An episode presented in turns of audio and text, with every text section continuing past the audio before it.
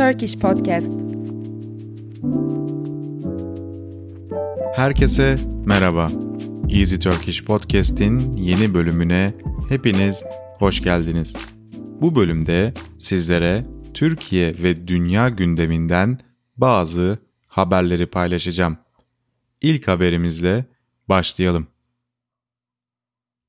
Türkiye'de seçim heyecanı yaklaşıyor. Türkiye 14 Mayıs 2023 Pazar günü yapılacak Cumhurbaşkanı ve 28. dönem milletvekili genel seçimleri için sandığa gitmeye hazırlanıyor. Bu seçimde 5 yıl boyunca görev yapacak Cumhurbaşkanı ile yeni parlamento üyeleri belirlenecek. Seçimde pusuladaki sıralamaya göre Recep Tayyip Erdoğan, Muharrem İnce, Kemal Kılıçdaroğlu ve Sinan Oğan Cumhurbaşkanı adayı olarak yarışacak. Milletvekili genel seçimine ise 24 siyasi parti ile Türkiye genelinde 151 bağımsız milletvekili adayı girecek. Bazı siyasi partiler Cumhur, Millet, Ata, Emek ve Özgürlük ve Sosyalist Güç Birliği ittifakları adı altında 5 ayrı ittifakla seçime girme kararı aldı. Kral 3. Charles tacını taktı. Kraliçe Elizabeth'in 96 yaşında hayatını kaybetmesiyle beraber tahtın yeni sahibi Kral 3. Charles, Westminster Katedrali'nde yapılan törenle 1661 yılında yapılan Aziz Edward tacını taktı. 74 yaşındaki Charles, Westminster'da taç giyen en yaşlı hükümdar oldu. Tacın krala takdim edilmesinin ardından salonda ''Tanrı kralı korusun'' sesleri yankılandı. Ardından Charles, İngiltere halkını adalet ve merhametle yöneteceğine dair yemin etti. Charles ile birlikte eşi de tacına kavuştu. Eşine 1911 yapımı Kraliçe Mary tacı takıldı.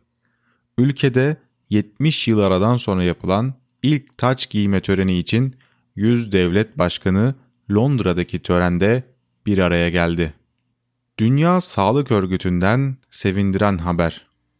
Dünya Sağlık Örgütü 3 yıldan uzun süre sonra COVID-19'un artık uluslararası öneme sahip halk sağlığı acil durumu olmadığını bildirdi. Cenevre'de bir basın toplantısı düzenleyen Dünya Sağlık Örgütü hem bulaşma hem aşılama yoluyla toplumsal bağışıklığın arttığını, bir yıldan fazla süredir ölüm oranları ve hastane yatışlarda gerileme olduğunu kaydetti. Çoğu ülkede hayatın Covid öncesine döndüğüne dikkat çekildi. Ülkeler ne kadar kitap okuyor? Dünya kültürü puan endeksine göre dünyada en çok kitap okuyan ülke Hindistan, ikinci sırada ise Tayland ve ardından Çin geliyor. Bu endeks vatandaşların haftada okumaya harcadıkları ortalama zamanı esas alarak belirleniyor. Basılı kitapların yanı sıra gazete, dergi ve çevrim içi yazılı içeriklerde puanlamaya dahil ediliyor. Hindistan'da her vatandaş haftada ortalama 10 saat 42 dakika kitap okuyor. Tayland'da ise 9 saat 24 dakika ve Çin'de 8 saat. Dünyada en çok kitap okuyan diğer ülkeler ise Filipinler, Mısır, Çekya, İsveç, Fransa, Macaristan ve Suudi Arabistan şeklinde sıralandı.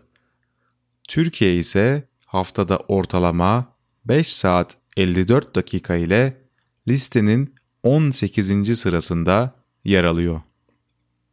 İspanya Meteoroloji Enstitüsü ülkenin 1961'den bu yana en sıcak ve kurak Nisan ayını geçirdiğini açıkladı. İspanya Meteoroloji Enstitüsü Nisan ayında en yüksek gündüz hava sıcaklıklarının normalin 4,7 derece üzerinde tespit edildiği bilgisini paylaştı. Hava sıcaklıklarının özellikle ülkenin güney ve güneydoğu bölgelerinde normalin çok üzerinde tespit edildiği bildirildi. Ayrıca İspanya'da Nisan ayında düşen yağış oranının da 1961'den bu yana en düşük seviyede olduğu belirtildi.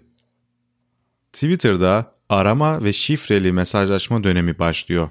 Twitter'ın CEO'su Elon Musk, arama yapma ve şifreli mesajlaşma dahil olmak üzere platforma gelecek yeni özelliklerle ilgili ayrıntıları açıkladı.